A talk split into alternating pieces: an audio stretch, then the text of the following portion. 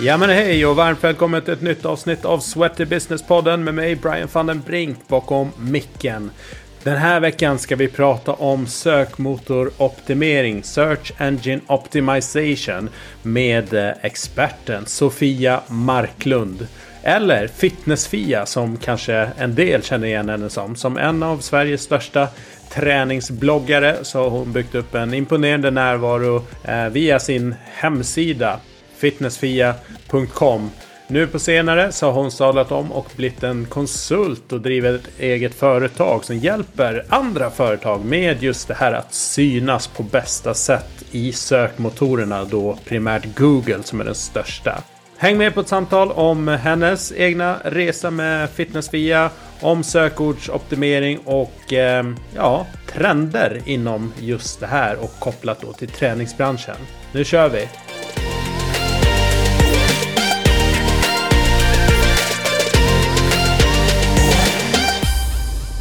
Varmt välkomna till Sweaty Business-podden och ett stort varmt välkommen till Sofia Marklund. Tack så mycket. Hur är läget idag? Det är jättenervöst men kul att vara här.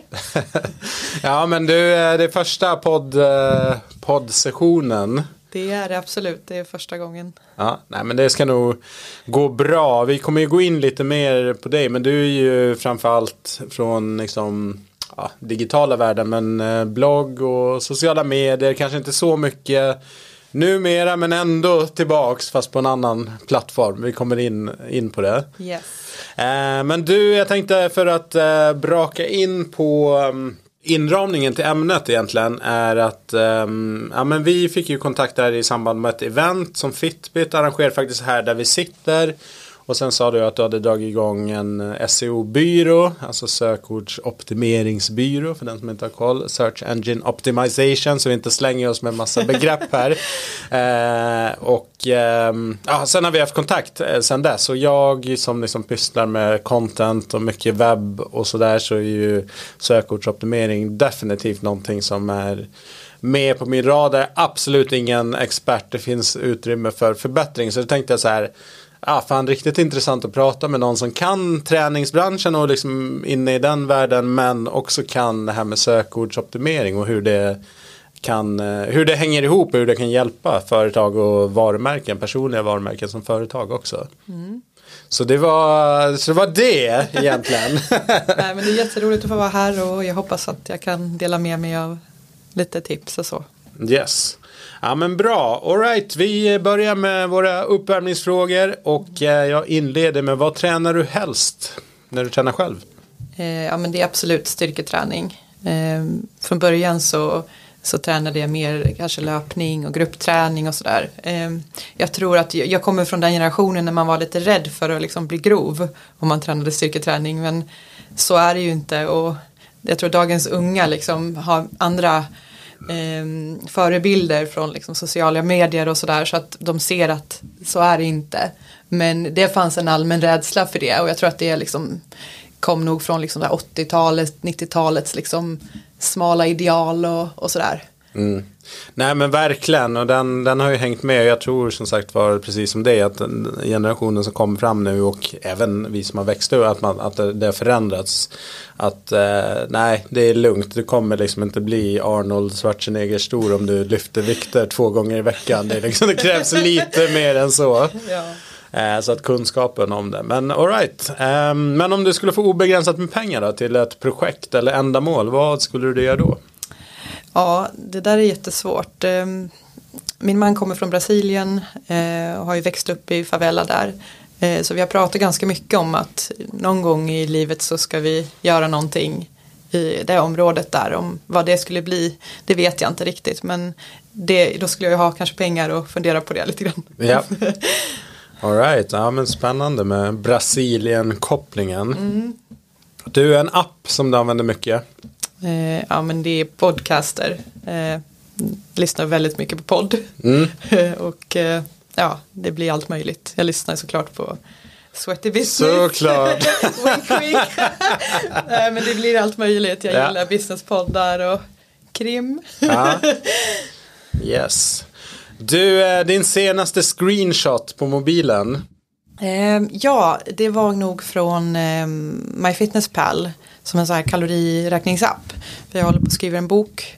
Eh, så jag ska ha med lite kalori och lite statistik och så i Mhm. den. Så Spännande, vad handlar snart. den Eh, boken om? det kommer heta makrometoden och det kommer handla lite grann om typ som flexible dieting. IIFIM om du vet vad det är för någonting. Ja. Som ja, går ut på liksom, eller metoder som egentligen så många bodybuilders använder. Men att applicera det liksom på vanliga svenskar. Yes, ja, spännande, då får vi hålla utkik efter den. Ja. Du, här gick det åt helsike. ja men alltså det är just när vi skulle träffas sist. Det var ju verkligen så här fruktansvärt pinsamt. Nej men alltså, ja usch, var börjar jag? ja det var helt säker på att vi skulle träffas en fredag. Men det var en onsdag som vi hade bokat och du hade skickat kalendern och allting och du väntade på mig i flera timmar. Och jag stod där i liksom allsköns ro och lagade mat och tränade och så var helvete. Nej men det, jag brukar vara ganska noga med tider och sådär så att det där var jättejobbigt. Ja, jag förstår det och jag är faktiskt eh, nog rätt person att, att missa eller komma för sent till ett möte för att jag är en tidsoptimist eh, själv. Och sen för en gångs skull så var jag faktiskt ute i god tid. Jag var typ framme en halvtimme innan vilket jag aldrig är på något, Ja. något möte. Och sen eh, så bara, nej, fasen. jag bara hade någon känsla av att, det- att det kunde bli någonting. Och sen ja, så fick jag inte tag på det så drog jag vidare på ett annat möte. Eh, och sen hörde jag av det efter någon, någon timme. Sådär, så Ja. att, ja. Det var någon timme senare precis. Men du var så himla liksom eh, ödmjuk och trevlig och så här. Jag kände att jag hade nog varit lite småförbannad själv. Men eh, det var verkligen så här, åh ja vad skönt att det kan ju bli så ibland. Det är bara ett möte. Ja. Du, eh, ditt bästa tips för återhämtning? Alltså nu skulle jag ju liksom vilja säga meditation eller någonting. Men alltså jag får ju slå till med Netflix. Ja. Det är så. Och den sista öppningsfrågan här. Det här behöver träningsbranschen tänka om kring. Ja, jag har funderat lite grann på den ehm, och jag tror att jag skulle vilja se lite mer servicetänk i träningsbranschen. Eh, jag har rest ganska mycket och jag har bott i Brasilien och sådär och sett på liksom hur eh, service ser ut till exempel på gym där och att eh, i Sverige har vi väldigt slimmade organisationer. Det är väldigt få som jobbar och det finns oftast inte instruktörer och man ser hur liksom dåligt många utför övningarna och sådär och det är ingen som liksom snappar upp det och rättar och sådär och nu när liksom gymmen blir fulla med nybörjare och sådär så, så skulle man behöva ha lite mer liksom service tycker jag. Och lite samma sak när man så går till en yogastudio, en bra yogastudio, då har du oftast någon som liksom hjälper till och rättar till när du gör fel och sådär men kör man liksom yoga på ett gym i Sverige så är det verkligen bara eh, kör på, liksom, det spelar ingen roll om du gör fel. Så att någon typ av serviceutveckling Ja. eh, utveckling kanske. Och det där fanns ju ganska mycket förut. Alltså jag säger inte att det var världens bästa service. Men Nej. det fanns gymvärdar, liksom Ja. olika trivselpersoner. Men det är liksom som du säger, det har slimmats, eh, Ja. slimmats bort. Och tittar man så här studier kring ehm, ja, medlemsretention, alltså hur man behåller, så är liksom den där personliga kontakten med personal är ju eh, typ alltid på topp tre listan. Liksom. Och om man skalar bort för mycket av den så tappar man förmodligen en hel del. Ja, jag kan verkligen tänka mig det och jag hoppas att kanske tekniken ger någon slags möjlighet till att utveckla det här på något sätt. eh, Att man kan liksom kombinera teknik och, och person. Mm. Ja, vi får se. Det händer ju mycket, inte minst AI-området. Exakt. Liksom. Men Ja. eh, jag tänker också kring AI. Vi kommer ju komma in på det när vi pratar eh, marknadsföring och SEO också. Men eh, att jag tror så här, de här mänskliga delarna, interaktionen. Alltså tekniskt absolut så tror jag att tekniken kommer kunna liksom så, ja, men, typ scanna av en person och sen på ja men tänk på att göra det här och så får man liksom det rent tekniska men det, är så här, det som är mellan människor det är liksom den relationen som uppstår den, den är ju svår att ersätta med en Ja. telefon eller dator eller device. Ja, precis. Alright, men du, ehm, vem är Sofia Marklund? Fitness-Fia om man eh, går in liksom blogg, eh, bloggidentiteten. Men det är lite så här, vart, eh, vart kommer från Dalarna och Ja. liksom bara så här kort bakgrund för de som inte har koll. Jag är uppväxt i lilla Falun i Dalarna. Eh, flyttade till Stockholm så fort jag kunde. ja, det var för litet för mig helt enkelt. Eh, har mina föräldrar kvar där i och för sig så att det är trevligt att hälsa på och sådär. Men jag trivs bra här i Stockholm. Mm. Eh, 38 år gammal. Eh, gift, har två små tjejer på två och fyra år. Yes. Bra och eh, liksom yrkesmässigt Ja. vad du har gjort lite mm, Ja, lite olika grejer sådär. Ja. Men bara så man får en bild av, Ja. av det. Jag är ekonom från början eh, men har liksom drivits mer och mer in mot eh, marknadsföring. Så. Eh, jag hade, drev e-handel för hundra år sedan och lärde mig om SEO på den vägen. Och sen så eh, blev det någon slags eh, sammanträffande av att liksom jag började träna och folk började fråga mig vad jag, hur jag gör och, och sådär. Och jag tänkte att men det här kan jag dela med mig av och använda det här SEO-intresset som jag har fått också då. Mm. Då föddes eh, bloggen Fitness Via. Just det. När alla andra hade slutat med blogg. Ja, det där är superspännande. Men berätta lite grann om liksom bakgrunden till eh, bloggen. Som jag förstått det så är det din eh, man som inspirerade dig till att dra igång det. Men kan du berätta själv? Så att inte jag sitter och Mm. Nej, berättar för dig hur du gjorde. Nej men precis, men det stämmer. Att jag har väl länge alltså, tränat och hållit igång. Jag har kört lite yoga, sprungit i perioder och sådär. Men eh, jag har aldrig känt den här makten som styrketräning ändå ger över kroppen. Liksom att man kan skulptera sin kropp. Liksom att man kan lite bestämma hur man vill se ut med, inom rimliga gränser. Så det var väl lite så det intresset växte och då vill jag liksom dela med mig av det här också. Och att, eh, i samband med det också började jag med det här liksom IIFIM, flexible dieting och titta liksom på kosten också, vilken vikt den har faktiskt för hur man mår och hur man presterar och vilka resultat man får. Så, ja. Och sen växte det där Ja. eh, mycket. Det gjorde Som jag det. förstår. Ja, förra året hade jag en miljon eh, sidvisningar på, på bloggen. Herregud. Och alla säger att bloggen är död. det är bara annorlunda nu. Ja. Mm. Ja men också eh, tänker jag så att många övergav bloggandet eller drog ner på det Ja. rätt, rätt drastiskt till förmån för sociala medier. Ja. Mm. Mycket. Jag tror Instagram var liksom en stor slukare Ja. där. Och sen mm, så kanske man insett att ja, men, det är inte bara sociala medier som gäller. Liksom. Men- Nej, och, precis. så de som höll sig till bloggandet och liksom Ja. var starka där kunde ta mark också. Ja, jag tror att en viss typ av, av bloggande försvann och flyttades över helt till sociala medier. Eh, där man livsstilsbloggar och sådär. Eh, men att eh, den här typen av blogg som jag driver som är mer som ett online-magasin. Där jag liksom berättar om hur man kan göra vissa övningar eller tipsar om olika saker. Så googlingarna, de är ju alltså, fler än någonsin. Och eh, det finns ingen liksom, indikation på att det ska sluta. Nej. Om inte ChatGPT tar över helt. Ja, vi får se hur A- AI eh, jobbar där. Men eh, vad, mm, för du själv har liksom, du har ju ett stort konto på Instagram. Ja. Liksom, ett gäng följare där liksom. Men du valde att överge och posta. Du är väl säkert inne där men du, du lägger inte upp content eh, där. Varför eh, valde du att göra så?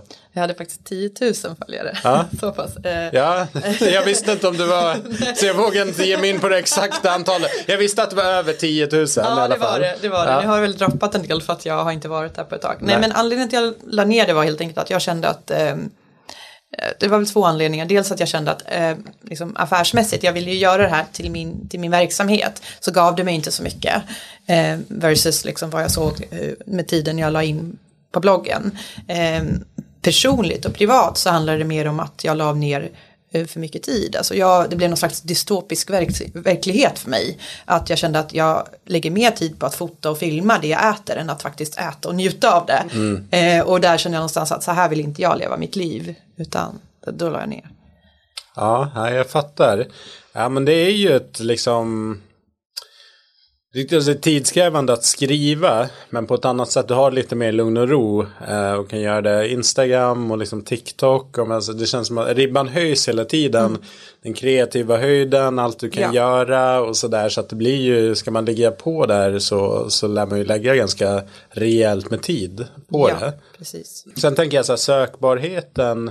Nu börjar det bli lite mer trend att folk söker också på sociala medierna. Så att mm. söket har ju kommit in där och kanske för de yngre mål, målgrupperna. Men, men fortfarande det är inte så här att Google snappar upp ja. allt som ligger inlåst på Instagram till exempel. Så jag tänker att om man bara fokar på sociala medier så är det ju risk att man, man inte blir hittad med sitt content. Nej. Vad tänker du kring det? Precis, nej men alltså content som, som går ut på Instagram eller TikTok eller så, det lever ju oftast väldigt kort. Eh, det ersätts av något nytt hela tiden och medan jag kan ha skrivit någonting på bloggen som jag får trafik på eh, ja, flera år senare. Mm. Så att, eh, utan att anstränga mig, utan man hittar det liksom. Yes, men eh, om vi tar liksom eh, blogg då. Um, vad tänker du kring det? Just att um, det liksom nästan dog ut. Det var så här bara, men det var inte hett längre med liksom. Jag tror att det blev väldigt mycket trend att nej, men det är inte, man ska inte ha, först skulle folk ha blogg och sen mm. var det så här, ja men vadå blogg? Ja. Um, vad tänker du där, om, om vi tänker, många av lyssnarna är ju företagare, äger företag ja. uh, eller är egna personliga varumärken. Mm. Vad tänker du liksom att en blogg kan tillföra um, för dem? Eh, väldigt mycket skulle jag säga. Alltså, det är ju ett sätt att kommunicera med dina liksom, kunder. Eh, det är också ett sätt att driva eh, in trafik och få nya kunder. Så att, eh, och kommunicera liksom vad varumärket står för och så. Så att, det kan man ju såklart göra på sociala medier också. Och jag tycker nog att man ska inte utesluta det ena eller andra. Men man ska nog välja vart man ska lägga sitt fokus. Mm. Jag tror att man måste utvärdera vilka tid och resurser man lägger ner på en viss kanal. Och sen se att vad, vad, vad är det som ger mest och där lägger man krutet. Verkligen, så tänker jag det ena behöver inte utesluta det andra. Om du tar fram en bloggtext eller en ny, ditt nyhetsflöde på hemsidan så kan man ju använda ja. Förslagsvis inte hela texten, du kommer förmodligen inte få plats med det. Men ändå så här bara en, en väldigt bantad version och sen läs mer så att du ändå skapar innehållet en gång. Men du kan använda det på flera olika sätt i, ja. i andra kanaler ja. också det man ska tänka på då är ju att eh, innehåll kan se väldigt olika ut. Som du sa, det är ganska långa texter när det är blogg och så.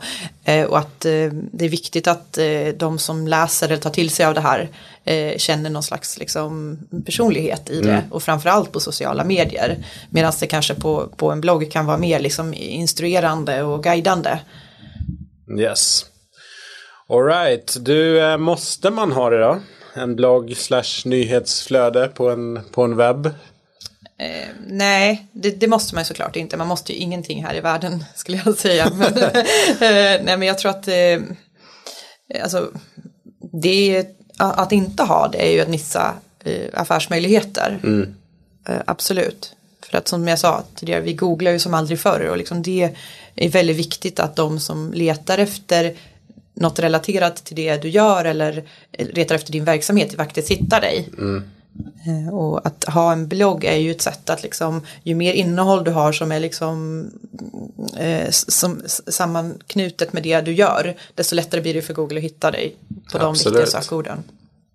Ja, men om vi liksom trattar ner till grunden för eh, sökordsmarknadsföring och liksom någon, någon strategi. Vad tänker du liksom är eh, basics? Bara det här måste man tänka till kring innan man ger sig in i det här.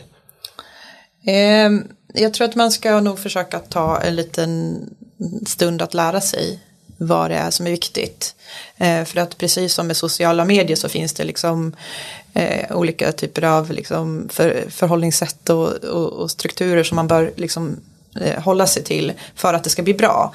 Ehm, jag stöter ganska ofta på i mitt jobb när jag har min SEO-byrå att, att det är kunder som bara lägger ut så här, ah, vi var på konferens på liksom Finlandsbåten, så mm. bara, men vem fan vill läsa det? Alltså man måste tänka till lite grann kring innehållet och det kan ju handla om att strukturera rubriker så att de liksom berättar för Google också vad det här handlar om, hur innehållet kanske lättas upp med lite bilder och liksom att man tänker till. Man kanske kan ta en SEO-kurs till att mm. börja med. Ja men det är bra och just det där som du beskriver. Vi var på det här. Vi åt lunch med mm. den här. Vi har, det känns som att det är det är det vanligaste liksom approachen. Framförallt på LinkedIn när jag ser att folk lägger upp och så bara, ja. men jag var vi var på möte med den här eh, och typ så här superkul och inspirerande. Och man bara, Ja. Men vad var det som var superkul och in- inspirerande? Liksom? Och hur är det här viktigt för mig? Ja. Så, eh, men vad tänker du där att det liksom, okej, men man kanske har varit på en, på en konferens på en Finlandsfärja. Vad skulle liksom kunna vara, vad skulle man kunna göra, nu tar jag det här på volley liksom. Ja. Vad, vad, hur skulle man kunna göra en sån, en sån typ av text intressant för en eventuell mottagare då? Men då måste du ge mig lite kontext med någon, vad är det för typ av verksamhet då? Ge mig ett exempel. Ja men vi säger att det är, ett, nej, men det är en, eh, en träningskedja av en händelse som har varit på eh, ledarkonferens. Alla platschefer och Ja. Ledningsgrupp, liksom avdelningschefer har varit Ja. liksom, ja, en kick-off liksom. Visionen Mm. 2025 har presenterats. Eh, då kanske jag skulle fundera över att titta på eftersom du ändå träffat så pass många människor då från branschen som har koll på vad som händer att man kanske gör någon slags trendspaning tillsammans och titta på hur ser trenderna ut just nu eh, inom, i tränings, träningsbranschen på något, på något sätt då att kanske ja, det beror lite på exakt vad man gör för Ja. någonting men att man kanske listar det lite grann och, och kommunicerar ut det att vi tror att det här kommer hända inom träningen snart liksom eller Ja. det här är hett just nu. Exakt, så att ge bort lite. Men sen är det, en del har ju problem med det här. Men vad då ska vi ge bort vår kunskap? Ska vi ge bort hemligheterna? Vad tänker du kring det? Sharing Hur, caring. det är så? ja. Hur giv- givmild ska man vara? Eh, hur som helst, hur, hur mycket som helst tycker jag. Alltså, det finns ingenting att förlora på det. Alltså, det här att hålla saker för sig själv, jag tror inte på det. Eh, allt är så tillgängligt nu ändå. Eh, så att eh, det kanske att man, vissa, man kanske inte ska dela alla sina siffror, I don't know, men, men eh, man kan dela väldigt mycket. Ja men det är intressant. Du, vi kommer snart in på eh, AI. Men jag tänkte bara för att apropå det här att ingenting är en hemlighet riktigt. Och har man tänkt en tanke så är det förmodligen ganska många andra som har tänkt ungefär samma. Och jag pratar med två olika personer som jobbar med marknadsföring. Och båda har varit så här. ChatGPT, det ska liksom revolutionera det vi gör. Fasen vad bra och grymt det kommer vara. Och sen pratar man nästa person eh, några timmar senare. ChatGPT, jäklar vad bra. Man bara, ja men okej ni gör typ samma grej. Så det blir intressant att se om ni gör ungefär samma slagning och får exakt samma innehåll och svar tillbaka. precis. Ja, nej men det är, det är intressant. Men vi går vidare då. Om man, vad har du för nycklar liksom när man ska skapa innehåll för sin, sin webb som, som gör att folk Dels att Google plockar upp det så att man blir synlig men också som gör det läsvärt att folk verkligen går in på det. Ja, alltså det bör ju vara informativt och så ska det vara kryddat liksom med personlighet så att det inte bara blir ett uppslagsverk liksom för det är ingen som orkar läsa det. Och vi ska tänka på att folks eh, liksom attention span är inte så stort så att det är viktigt att dela upp det och göra det lättläst så att inte så långa stycken det är också något som folk gör väldigt fel när de publicerar liksom, korta stycken. Det kan vara till och med en mening i ett stycke så lite, lite upp med bilder och, och liksom vara hands-on konkret. Bra. Om vi tar vanliga misstag som du ser att många gör. Det kanske blir en spegelvändning till viss del av vad du precis sa. Men finns det annat som, eh, som är lätt att hamna i? Ehm, ja, alltså, och det här är skulle jag säga inte specifikt just för träningsbranschen utan generellt. Liksom, Att det är lätt att hamna i ett slags egoperspektiv där man bara rapar upp vi kan det här och vår produkt gör det här och vi, ja men du förstår. Eh, och det är ju oftast inte så intressant för mottagaren. Mottagaren vill veta vad, du, vad kan du hjälpa mig med? Vad, vad ger du för kundnytta? Eh, så att byta lite perspektiv istället. Så att, eh, för träning är ju en upplevelse. Ja, Det är ju inte en fysisk produkt oftast. Även om det såklart finns de av Absolut, dina lyssnare som säljer produkter Ja. också. Men det är ju till för en upplevelse i alla fall. Och ehm, det handlar om att kunden ska få lite feeling och vilja träna liksom. Mm. Eh, så det är viktigt att få in det, liksom, att det inte blir för statiskt.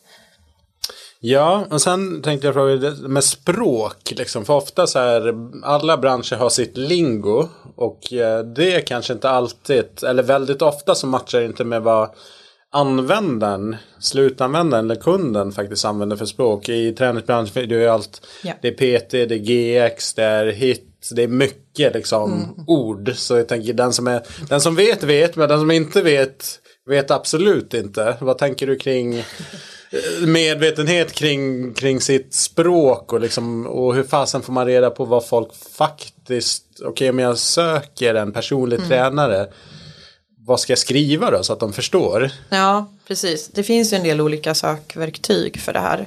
eh, För att kolla liksom vad, vad är det folk söker på. Det allra lättaste är att använda Google. För att ofta när du skriver in, börjar skriva in någonting så vet du att du får upp ett förslag på, på, på liksom relaterade eller kanske fortsättningen på själva ordet. Liksom. Just det. Eh, Och även när du slår det så kan du scrolla längst ner på sidan på, på Googles första sida så kan du också se relaterade sökningar till det. Ah. Så det är som det billigaste sättet att, att kolla vad folk söker på. Eh, man kan också testa någon som heter ABC-metoden och skriva in liksom A, B, PT, A, PT, B och se liksom vad dyker upp här. Det- man, man kan, man, ja, att, eh, mm. Men det är värt att göra det jobbet. Ja, tänker gud du, ja, så att man, Mm. absolut. Det är 100% värt. Det är jätteviktigt. För att hur ska Google annars veta? Eh, Men det som du säger det där med förkortningar och sånt där. Det, PT är ju väldigt liksom, allmän liksom, vedertaget. Mm. Men det kan ju finnas andra som, som inte är så självklara. Så då är det ju alltid bra att använda båda de beskrivningarna i, i texten. Så att man förstår vad det handlar om. Och de här nyckelorden, nu säger man skriver en text om person, att köpa personlig tränare, att träna med trä, personlig tränare hos, hos oss, liksom hur eh, det är såklart viktigt att ha med begreppet som, man, som man vill, men hur, hur mycket behöver man ha med och hur tidigt i texten behöver det vara för att det ska bli, hur viktigt är det liksom? Den, Det där är en jättebra fråga och Mm. det fanns en tid när man kunde bara skriva sökordet en miljon gånger och Ja. komma högst upp på Google. Men såklart alltså Google gör ständiga uppdateringar och blir bättre med deras algoritmer och sådär. Så att en naturlig mängd, Mm. alltså, men det ska ju nämnas. Eh, för det är viktigt. För hur ska man, an- hur, alltså Google kan ju se indikationer på vad det handlar om. Men samtidigt så är det ju bättre att du berättar i rubriker, i ingressen, nämner nyckelordet till exempel. Sen tänkte jag så här, eh, jag kallar det för, eller det är inte jag, det är Vanity Metrics. Eh, men fåfängetal, liksom att man, man, man tittar jättegärna på volym och det är inte bara webb utan sociala medier, hur många följare, hur många likes, liksom Ja. många. Hur relevant tycker du att det är som eh, mått liksom volymen? Såklart. Det beror lite på eh, vad, man, vad man har för mål med liksom, trafikvolym. Alltså är det rent varumärkesspridning så här, men typ Coca-Cola när de smäller upp en liksom, affisch på stan så vill de att så många som möjligt ska se den. Liksom. Och det kan ju vara så att en stor träningskedja kanske vill det också. Men jag brukar säga så här att vi ska försöka eh, utgå från målet och liksom att eh, vara så nära som möjligt en konvertering. Och vad en konvertering kan vara för en verksamhet. Det kan ju vara väldigt olika. Det kan ju handla om ett köp men det kan också handla om att man laddar ner något eller skriver in sig på ett nyhetsbrev och så vidare. Så att man är så nära det som möjligt för att få någonting mer ut av trafiken. Yes, ja, men syfte och mål är ju A och O. Att det kanske är där ofta det brister. Att man Ja. vill säga någonting men man vill, varför vill du säga det och vad vill vi att folk ska agera på? Vad vill vi att de ska göra när de ser det här? Ja. Bra, jag såg en, ehm, en tävling. Det var något år sedan. eh, där liksom slutklämmen var. Eh, det var på en webb. Att eh, skicka in ditt svar på våra sociala medier. Och Så här, okay. Inga länkar till de sociala medierna och vilka kanaler. Alltså det var så här otroligt luddigt liksom. Som en stor, eh, det var inte spetsigt för fem öre. Ehm, så att, ehm, nej men just den här action, ehm, alltså vad ska det utmynna i är ju superviktigt att ta med sig såklart. Och det du sa där är också jätteviktigt att tänka på användarvänligheten. För det är ju någonting som Google tittar väldigt mycket på. Och det kan ju handla om liksom, laddtider på sidan eller hur väl du strukturerar ditt innehåll så att folk faktiskt stannar och läser det du har skrivit. Ehm, så tänk alltid typ på användaren. Mm. Ehm, jag tror alla som har varit inne i um, Google Analytics och försökt liksom rota runt där och förstå och liksom tolka tal. Det är inte så att man älskar eh, Analytics. Du kanske gillar att liksom ro- rota runt i det. Eh, men det, det är ganska liksom eh, komplext där absolut. Men, men det, det, man hittar ju sin där. Men liksom, vad tänker du kring om man vill plocka ut några nyckeltal som du tycker ofta är relevanta för en webb. Vad skulle du då välja att eh, ha som prio? Um, alltså det är såklart att man kan titta på besöksantalet för det ger ju en indikation på någonting att mm. hur, hur, hur, väl man liksom syns. Så det är ju viktigt absolut. Um, du vill ju liksom att många ska se din affär liksom. Men det viktigaste är ändå konverteringsrelaterade uh, liksom, metrics skulle jag säga. Um, och det kan ju vara som jag sa tidigare, det kan vara lite vad som helst. Sen, sen är det också bra att titta lite grann på liksom, den trafiken du väl får. Hur länge stannar de? Vad är det för bounce rate? Det vill säga hur många är det som sticker när de kommer in liksom, mm. eller får folk svar på det de söker. Uh, och det är viktigt för att uh, det avgör lite grann för Google hur hur väl de pushar dig i resultaten. För att Google vill ju inte skicka fram något svar på frågor som där, där den som söker inte får svar. Nej. Eh, så det är ju också jätteviktigt att titta på. Men liksom, eh, det går ju att bygga olika funnels med liksom konverteringar och sådär. Så det är ju viktigt att titta på. Så här, har vi som mål att få in x antal på vårt nyhetsbrev eller att de ska ha laddat ner den här guiden eller liksom antal köp på hemsidan och sådär. Så det är ju, jag tycker konvertering är ju liksom det viktigaste. Mm. Eh, för att du kan ju som vi pratade om tidigare att eh, du kan ju ha så här i din bransch kanske du bara har 20 intressenter och har du jättefå besöksantal då så kanske det är ändå jättebra. Ja. Eh. Ja, nej men det är, det är väldigt bra siffror och sen eller nyckeltal att ta fasta på och sen tänker jag också om vi pratar om Coca-Cola och en awareness-kampanj på stan som är så här att, att det blir väldigt mätbart numera. Dels såklart försäljning, hur går försäljning i butik eller liksom alla försäljningspunkter. Men inte helt sällan så korrelerar annan marknadsföring och även syn, kampanjer och liknande och synlighet i sociala medier med att man kan kolla också på sökningen och trafiken till, till webben och på så sätt ja. även få en känsla för att okej okay, har vi liksom nått fram med ja. budskapen. Ja, men generellt skulle jag säga att, att sådana typer av kampanjer är inte så bra att satsa på för mindre företag. Nej. För att där har man inte den här varumärkeskännedomen som gör det värt. Mm. Eh, så. Nej, och oftast inte budgeten heller. Att Utan då är det ju bättre att satsa på SEO eller liksom Google Ads eller någonting för att faktiskt få någonting ut av pengarna man lägger mm. ner direkt. Um, en fråga där kring uh, webb också och uh, texter. Behöver mm. man gå in och ratta i gamla texter och uppdatera eller kan man låta dem ligga? Vad är din take på det? Liksom gå och uppdatera. Såklart om något har hänt, det är någon information. Mm. Men generellt så du kanske har skrivit en ganska generell artikel mm. om hur det är att träna med en personlig tränare hos oss. Mm. Eh, behöver man in och göra någonting där för liksom sökbarheten eller om texten är fine så, så kan den ligga som den är. Det beror lite på. Eh, generellt sett skulle jag säga att det är bra att uppdatera. Eh, men att bara uppdatera genom att liksom ompublicera den sådär, det, det är inget vidare utan du måste liksom lägga till någonting. Ja. Men oftast när du besöker en text som du har skrivit tidigare har du ju oftast något mer att säga. Mm. Eller det kan ha hänt någonting eller du ändrar årtalen eller någonting så. Så att jag skulle säga generellt sett ja, uppdatera absolut. Liksom eh, inte superregelbundet men kanske en gång per år eller så. Ja. Alright, och sen eh, hade vi ju det här med AI. Eh, nu kommer det och mm. eh, frågan så här. Det finns ganska många frågor som jag egentligen har kring det här. Men mm. vi börjar med så här. Eh, ChatGPT har liksom hela världen helt plötsligt upp, upptäckt och folk mm. är så här det här är det bästa som har hänt. Och så mm. har du vissa, typ, några som jag känner som är copywriter som är så här, hmm, vad, hur kommer mitt jobb bli framåt liksom? Vad tänker du, kommer vi behöva skriva texter själva framåt? Eller kommer eh, AI att göra det åt oss? Det beror på om vi kollar i ett kort eller långt perspektiv. Kort. Vi, vi kollar de närmaste liksom, Nej, åren. I kort perspektiv, ja. absolut kommer vi behöva göra det. Så mm. är det. det. Vi vet inte riktigt vad som kommer hända heller med liksom AI-genererat content. Det finns ju massa liksom, diskussioner om att märka content som är AI-genererat. Det finns ju också diskussioner kring själva lagarna kring ja. den typen av innehåll. Och det är ju för att skydda oss också.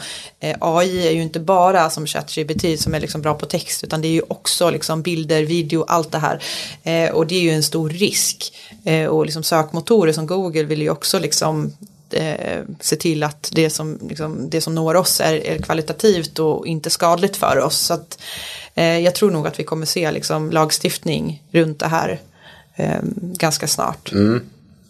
Ser du någon risk eh, för om man liksom trycker in något i ChatGPT så kan man ju få ut i princip flygfärdiga Ja. texter. Vad, ser, vad tänker du kring det liksom om företag går i tanken mm, ja men här behöver vi ingen som skriver texter Ja. åt oss.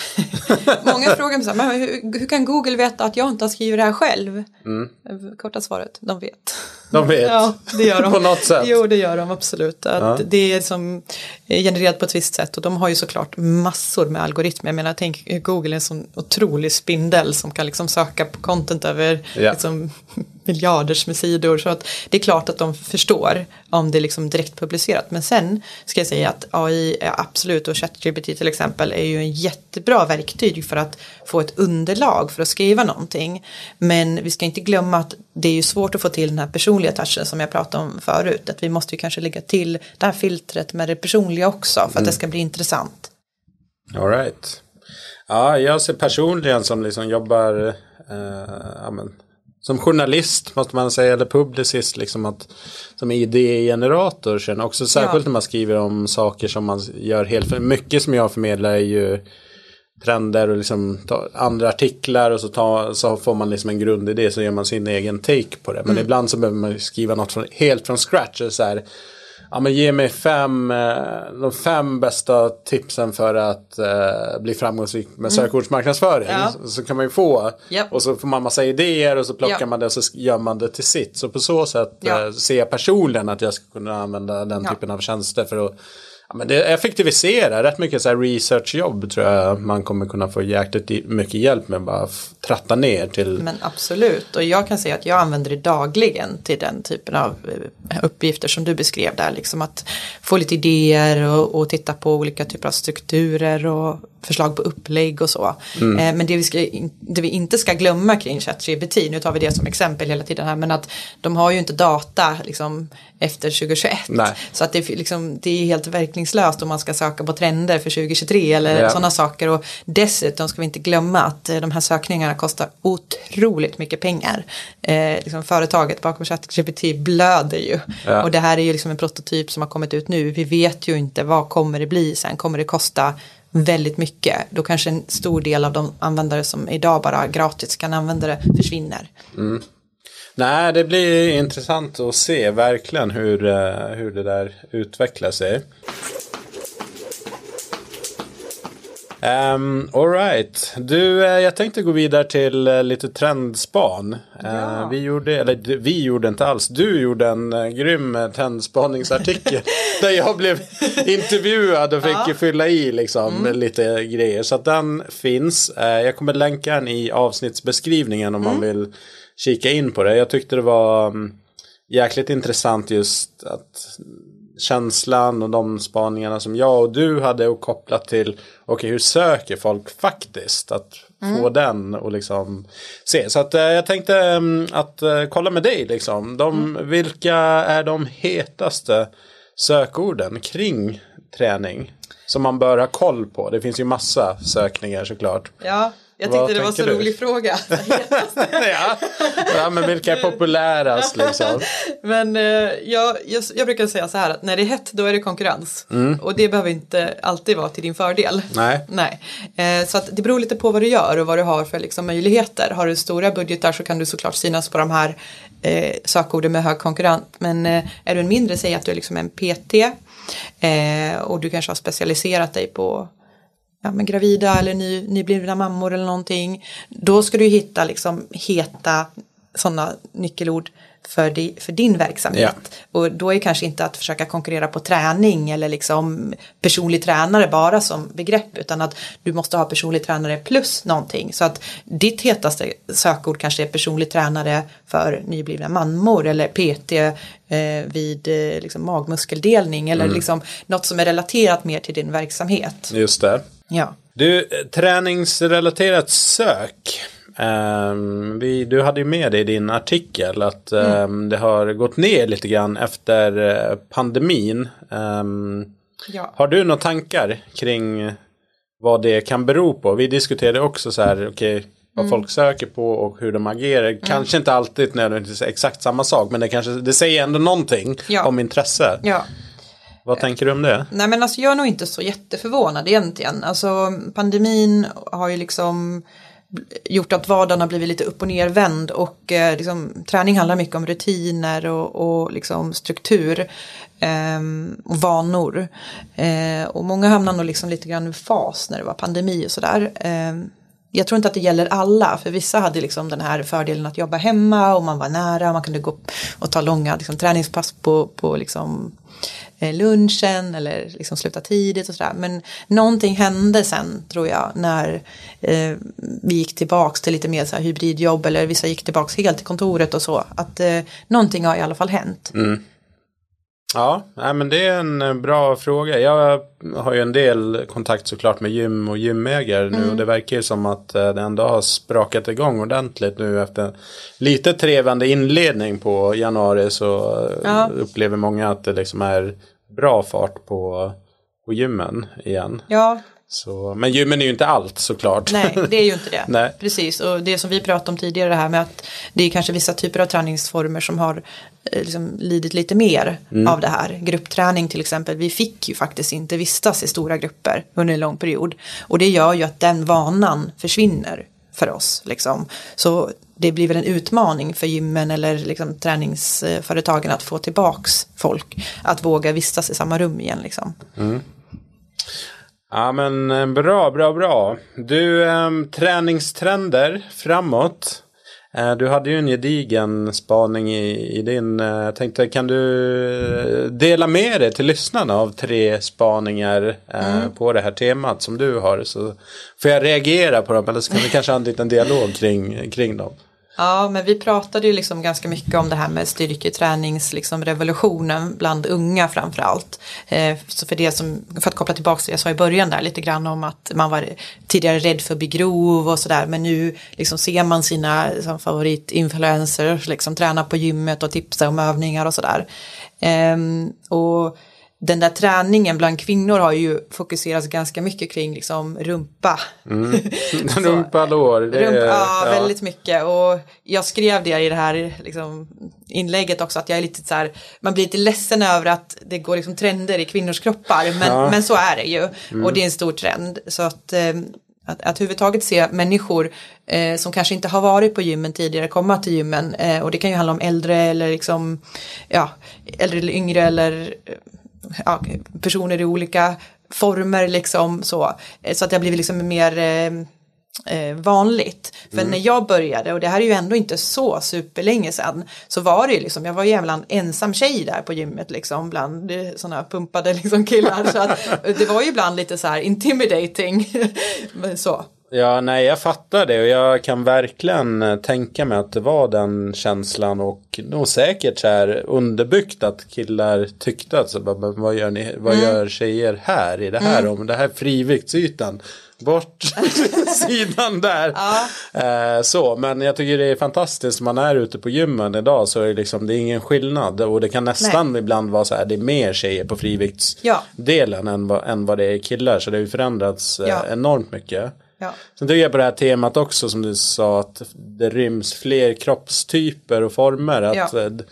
Det är befriande när varumärken också har börjat ta till sig mm. det här. Um, jag blev ganska chockad när jag var inne på Nike.com. Det var mm. något år sedan. Och så, så insåg jag att fasen, de har ju liksom bilder på folk som är XXL ja. och större. Ja. Och bilder, okej okay, så här kommer det se ut. Så att mm. man luras inte längre med att okej okay, de här tightsen de ser ut så här. Men det är på någon som är S liksom. Ja, men jag som är XXL då, hur kommer den se ut på mig? Men det finns faktiskt bilder och liksom skyltdockor. Ja. Gymshark tycker jag också nu i, i sina sociala medier också porträtterar mm. inte bara de här typiska Gymshark personligheterna som man precis. ser framför sig. Nej men det handlar om inkludering på alla möjliga sätt och vis. Liksom att eh, med kvinnor i slöja som tränar eller jag såg häromdagen på sociala medier faktiskt eh, någon som hade stomipåse liksom som syntes liksom i, mm. i ads liksom för träningskläder och jag tänker att eh, ja, det är väldigt viktigt med in inkludering. Verkligen. Ja, alright, så vi har styrketräning. Ja.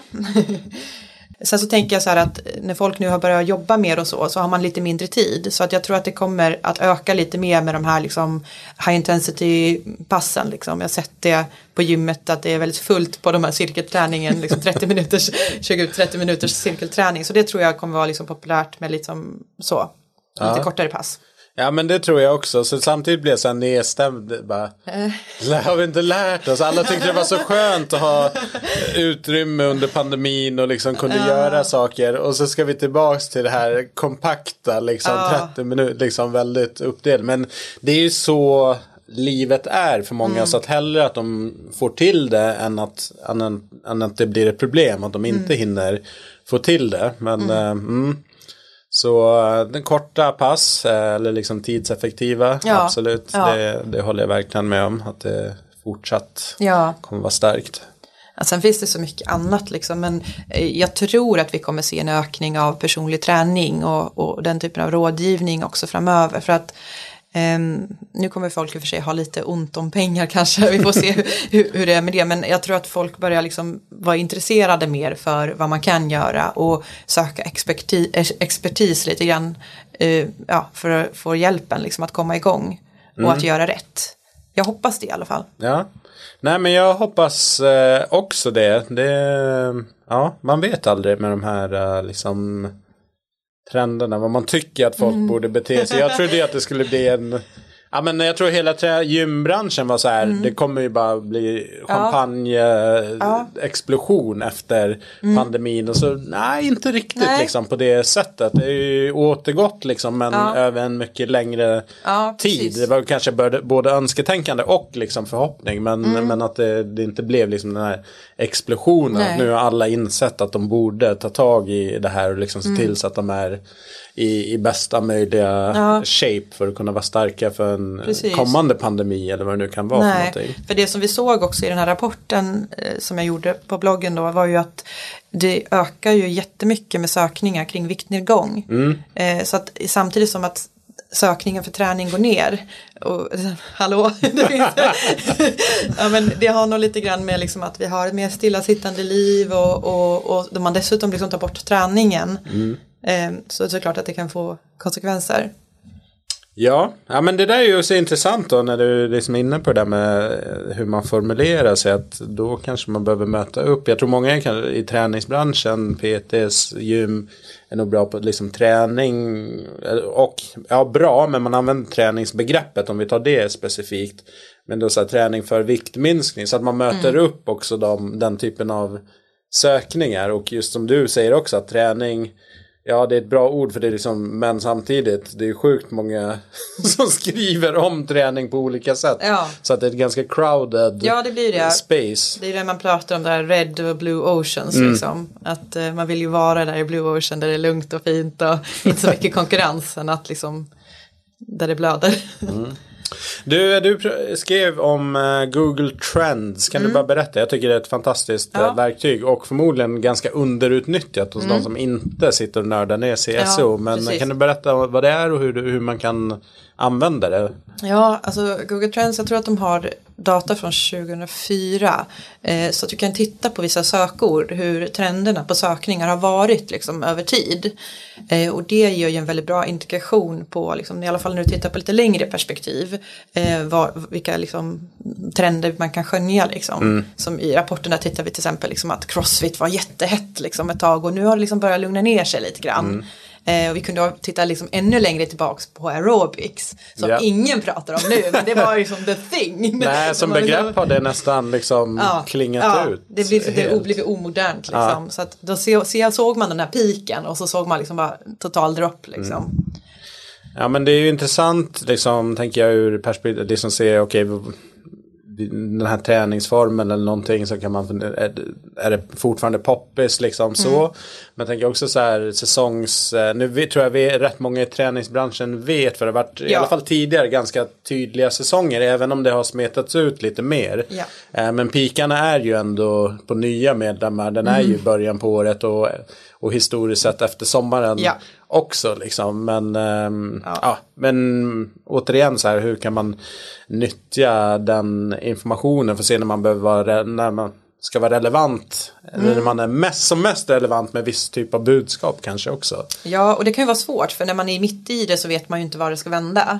Nej. Eh, så att, ja, men som vi tittade på paddeltrenden Ja. till exempel, det var ju också så här upp, alltså upp och ner. Verkligen. Eh, Så det var en väldigt kort trend och liksom paddelhallar fick stänga och, och så vidare. Så, så att eh, eh, jag tror att man får väl ta det liksom, eh, ja, man får ta det lite som det kommer också. Men man Mm. kan ju gärna titta och spana på, på liksom, Ja men ha med det som en del Ja. i beslutsunderlag Absolut, och liksom absolut. sådär. Sen får Ja. man ju ha en känsla. Ehm, jag menar, ta typ Stadium och liknande så här. ja. Man vet att vintersäsongen kommer, men när kommer den? Den kan ju komma, Mm. Ja. eller så kan den inte komma alls om det var någon vinter när det liksom inte blev så pass kallt så Ja. att de satte ju liksom med fullt lager av vinterjackor och Japp. grejer för att ingen behövde. typ. Nej men det är sant och jag kan ju titta på det också. Jag skriver ju en del om träningskläder och sådär. Det tittar jag ibland på Google Mm. Trender och då kan jag se så här att och, och, vissa säsongsrelaterade saker söker man ju på långt innan säsongen kommer. Right. Vi som människor är ju lite grann så att vi kollar redan nu liksom på sommarmode. Mm. Eh, och ja, så. Så man förbereder sig lite inför vintern kanske redan tidigt på hösten liksom. Ja. Så, eh, så att det, det gäller att inte vara för sent på bollen. Spännande. Du, ehm, jag är ganska nöjd där. Jag Ja. skulle kunna grotta in mig men jag misstänker att lyssnarna här är ju inte, alla är ju inte nördiga i SEO. Men vi tog det här ämnet också för att det, det är nyttigt och det är, Ja. jag tror faktiskt att det är ett lite förbisett ämne. Man är nog medveten om det, man kanske inte jobbar så aktivt Mm. med det och liksom ser över hur ser det ut hos oss egentligen. Ja. Liksom, och vad skulle man kunna vässa för att jag menar, bara fråga vem som helst. Vad, om du letar efter något nytt eller ska börja träna någonting. Men det börjar ju oftast med en googling eller att man frågar någon. Ja. Så att, ja. Och även om du frågar någon så googlar du sen. Ja, för att bekräfta. Ja, liksom för att titta. Ja, och jag såg någon studie om liksom, då var det i butik, eh, och det jag tror det var elektronik, att då var det så här över 80% i den studien googlar i butiken bara för att få en sista eh, check på Ja men kanske vad någon annan säger eller liksom Ja. Jag vet inte, kanske till och med kolla pris Finns Ja. den här billigare Ja, någon annanstans? Eh, så att söket är ju med hela vägen fram till köpbeslutet Det är det. Eh, Du, ehm, om man vill komma i kontakt med dig, eh, prata mer om det här, kanske vill ha hjälp till och med med att få ordning på det här, vart är det enklast? Ja, det enklaste är att mejla mig och det är på sofia at martianog.com. Yes, länkar in eh, e-postadressen Ja, i ja. avsnittsbeskrivningen och till din eh, blogg fitnessfia.com, eller hur? Jajamän.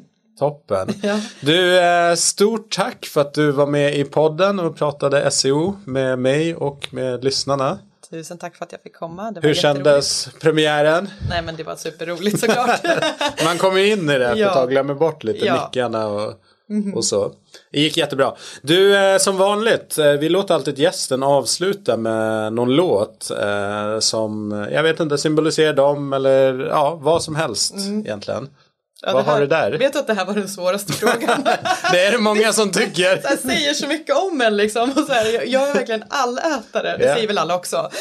Nej, det, ja, När det ja. gäller musik, liksom, det kan vara allt från så här brasiliansk funk till liksom, eh, metal eller vad som helst. Sådär. Men, ehm, ja, men på vägen hit så lyssnade jag på Jireel med Mano. Jag Ja, mycket bra. Jag lyssna bra. lite på så här svensk hiphop Ja. och sådär. Jag tycker faktiskt att det finns mycket bra nu. Ja men den är grym. Jättebra. Ja, energifylld. Den är Ja, med i min träningsspellista. Ja, men min med. Absolut. Ja, Ja men toppen. Stort tack helt enkelt. tusen tack själv. Härligt. Trevligt. Trycker på skoten sen vamos. Dubblade ringarna för att damo Min vän är min bror, min walalo. Backa din rygg som jag Roberto Carlos. Yeah. Allt som vi kan det är framåt. Få killar spela, de kan nåt. Shuno han spänner sig, tror han är ballo. Har respekt när du pratar med mano Yeah, jag och min bror kom från ingenting Så vi passar på för det finns ingen garanti. Fått de leker, de hjälper till Men när det är dags för hjälp då de byter fil Förut det fanns ingen tid, i nutid vill alla de vara vi. Kolla på oss när vi bränner ekonomin. Hade ingenting, nu vi har nånting. Om min guzz blir min guzz då det postkod vi Uppväxt i Hatuti men jag är stolt för min bror blev skuldfri. Höll på att bli tokig, lärde mig hämta in som bookies Hon sa ooh la la la la la la Ta mig och hoppa med dina para Esa bitch, na na na. Trycker på skoten sen vamos. Dubblade ringarna damo Min vän är min bror, min walalo. Backa din rygg som jag Roberto Carlos. Allt som vi kan det är framåt. Folk gillar spela, de kan nåt. Shuno han spänner sig, tror han är ballo. Har respekt när du pratar med mano yeah. Trycker på skoten sen vamos